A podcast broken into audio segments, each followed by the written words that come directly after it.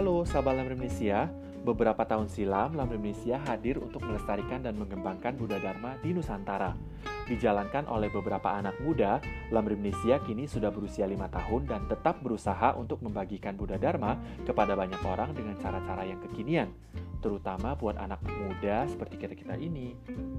Podcast Lam Indonesia ini adalah cara baru kami untuk sharing Dharma dengan sahabat semua di sini bakal ada obrolan tentang kejadian sehari-hari dari sudut pandang Buddhis yang dijamin seru abis. Kami juga menerima usulan topik bahasan loh.